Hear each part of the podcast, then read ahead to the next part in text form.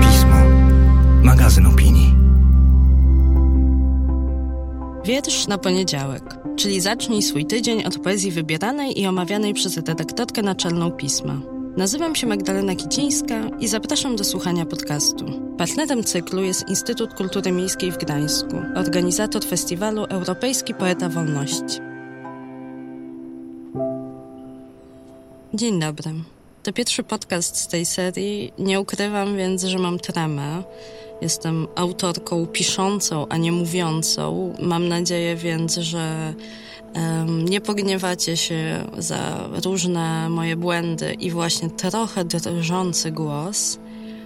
Nie wiedziałam od czego zacząć, ani swoją wypowiedź, ani podpowiedź dla graficzki, która przygotowała obrazek reklamujący ten podcast. Zobaczycie go na naszej stronie i dzięki temu, mam nadzieję, uda Wam się trafić tutaj również w kolejnych tygodniach, bo za samo skojarzenie poezja, wiersz, poeta przychodziły mi do głowy same stereotypowe obrazki. Oczywiście peleryna, beret, e, pióro, kałamarz, maszyna do pisania, no i kot. Kot musi poecie czy poetce towarzyszyć.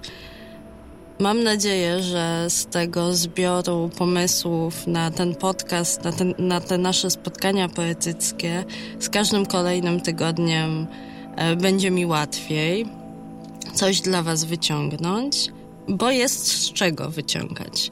E, każdego tygodnia przychodzą do nas do pisma na naszą redakcyjną skrzynkę, ale też tradycyjnie, analogowo y, przynosi je listonosz, przynosi wiersze, propozycje y, do opublikowania.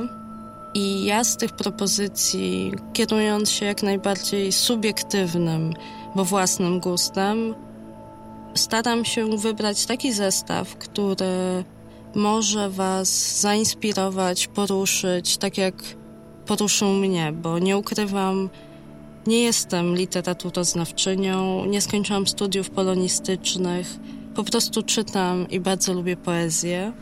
I kiedy tworzyliśmy pismo, nie mieliśmy wątpliwości, że kilka stron, choćby kilka stron w magazynie papierowym musi E, być przeznaczonych na, dla tekstów poetyckich. Chciałabym Was zaprosić do rozmowy o tym, dlaczego warto czytać poezję, po co to robić, bo wydaje mi się to ważne, tak jak właśnie ważne są same wiersze. Ten podcast więc będzie miał charakter ściśle autorski. Nie znajdziecie tu recenzji, analiz literackich, a refleksje. Zapisy emocji, które wywołał tekst bardzo subiektywnych, a czasem intymnych. Sama jestem ciekawa, co nam z tego wyjdzie. Zapraszam więc, a na sam początek od razu niespodzianka i zarazem wyzwanie. Bo na hasło proza poetycka wiele osób reaguje właśnie lękiem i zdziwieniem. Zdziwienie to zazwyczaj wynika z obawy, bo co to takiego jest ten gatunek graficzny i jak się do niego zabrać? Moja odpowiedź brzmi bez lęku tak jak do każdego innego tekstu poetyckiego, po prostu dać mu szansę. Do styczniowego numeru wybrałam utwór Bronki Nowickiej pod tytułem Bestiariusze o empatii i stracie. Posłuchajmy go w interpretacji Agaty Turkot. Codziennie kupowała siatkę bułek. Wstyd mi żyć, mówiła sprzedawczynią. Widać uznała, że w jej wieku jest to nadużyciem. Chowała kajzerki i uśmiechała się przepraszająco, odsłaniając zęby podobne do macew. Kilka poczerniałych steli zapadło się w dziąsła. Cmentarz w ustach był wiekowym miejscem pochówku. Po wyjściu z piekarni, nie odrywając stóp od ziemi, przesuwała się w stronę parku. Niedołężne ręce nie mogły skubać pieczywa, więc by nakarmić ptaki, darła bułki na grobach. Pluła rozdrobnionym ciastem pod nogi. Gromada przyfruwała, zaczynała dziobanie. Gołębie i staruszka gruchali do siebie godzinami. Jeśli kiedyś na świecie zabraknie bułek, pomyślałam, ona zacznie drobić ptakom siebie. Rzuci im resztki zębów, włosy, mięso.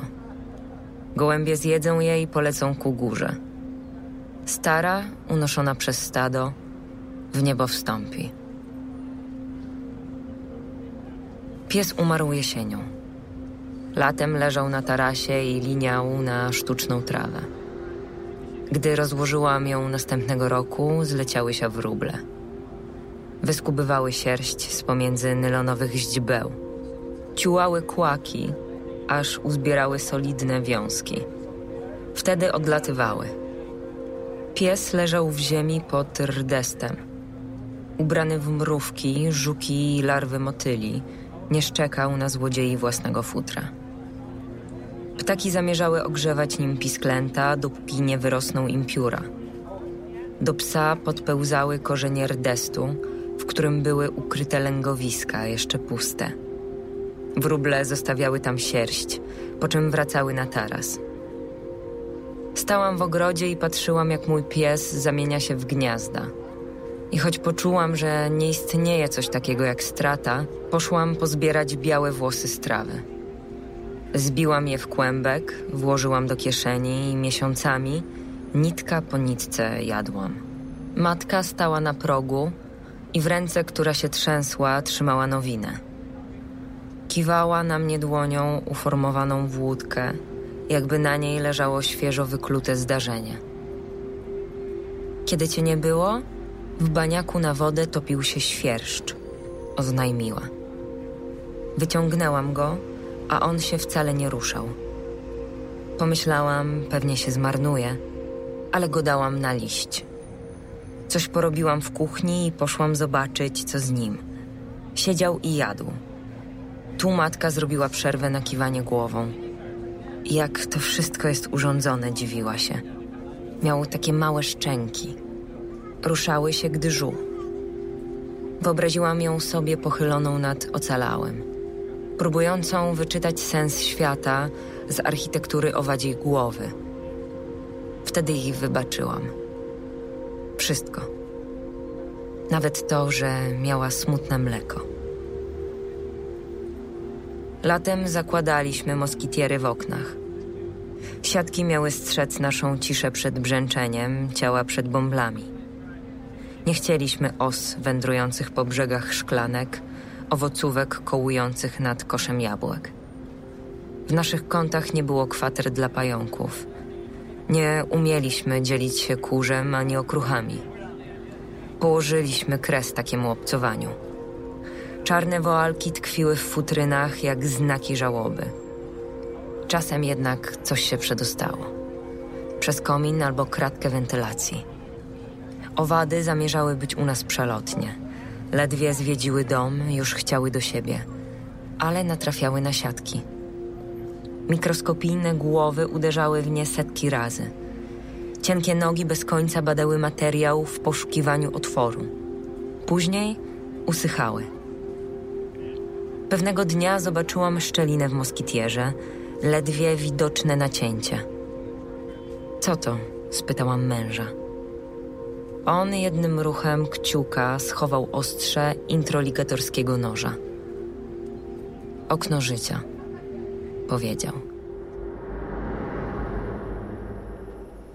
Nowicka to poetka, artystka interdyscyplinarna, absolwentka łódzkiej filmówki i krakowskiej ASP, reżyserka, scenarzystka. Ma na swoim koncie nawet przygodę z produkcją komercyjną, dwa sezony reality show dla TVN-u. Przed czterema laty uhonorowana nagrodą literacką Nika za debiutancki zbiór Nakarmić kamień.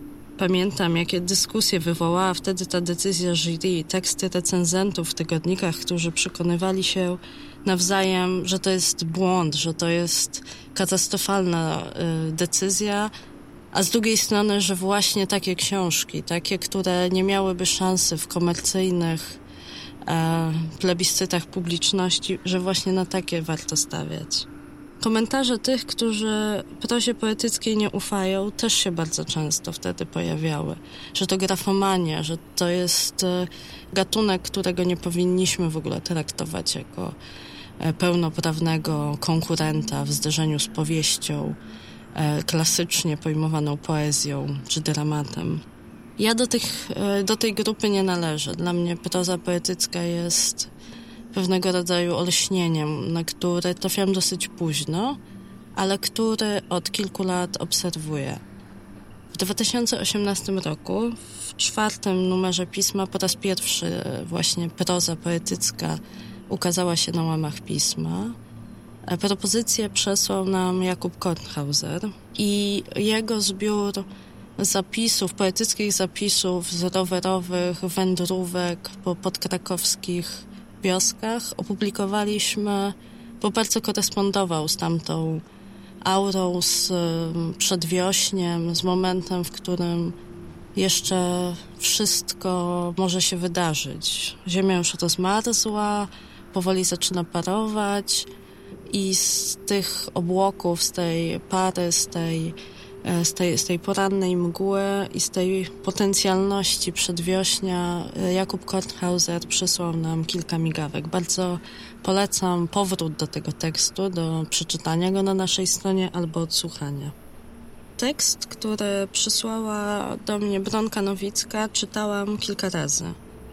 Przyszedł akurat wtedy, kiedy sama musiałam mierzyć się ze stratą, e, kiedy wyrwa przestrzeń po kimś, kto odszedł, przez chwilę, przez moment pozostaje pusta i wydaje nam się, że nigdy w żaden sposób nikt i nic nie będzie w stanie jej zapewnić. W tekście znalazłam jednak coś na kształt pocieszenia, a na pewno otuchy. Mikroobrazy, mikroopowieści o tym, że non omnis moriar. Ja i inni, ludzcy i pozaludcy, mieszkańcy i mieszkanki świata. Świetnie je Bronka Nowicka ze sobą zestawiła, plotąc warkocz z tego, co drobne, zbędne, wydawałoby się nadprodukowane, łącząc z tym, co ulotne, niematerialne. Trwanie. Doczytawszy do końca, a puenta naprawdę wbiła mnie w fotel, czułam żal, że to już. Chciałabym dalej, więcej, i ten niedosyt właśnie jest tym, co w prozie poetyckiej cenię najbardziej. Ten głód zadzierzgniętej ledwo opowieści. Więc może nie złote, a skromne, a małe, a wielkie. Proste zdania, z których Bronka Nowicka zestawia wszechświaty znaczeń. Bardzo ten wiersz polecam wszystkim, którzy czują jakiś brak, w których pojawiła się jakaś tęsknota, i którzy dookoła siebie szukają odpowiedzi, czy jest na ten e, smutek i na ten żal jakieś remedium, jakieś pocieszenie, jakieś lekarstwo, bo tym tekstem Nowicka pomaga podpatrywać, wypatrywać właśnie tych znaków i tych innych, którzy przychodzą na miejsce utraconych. Znajdźcie na ten wiersz chwilę w tym tygodniu, a ja zapraszam na następny poniedziałek. Będę na Was czekała z wierszem.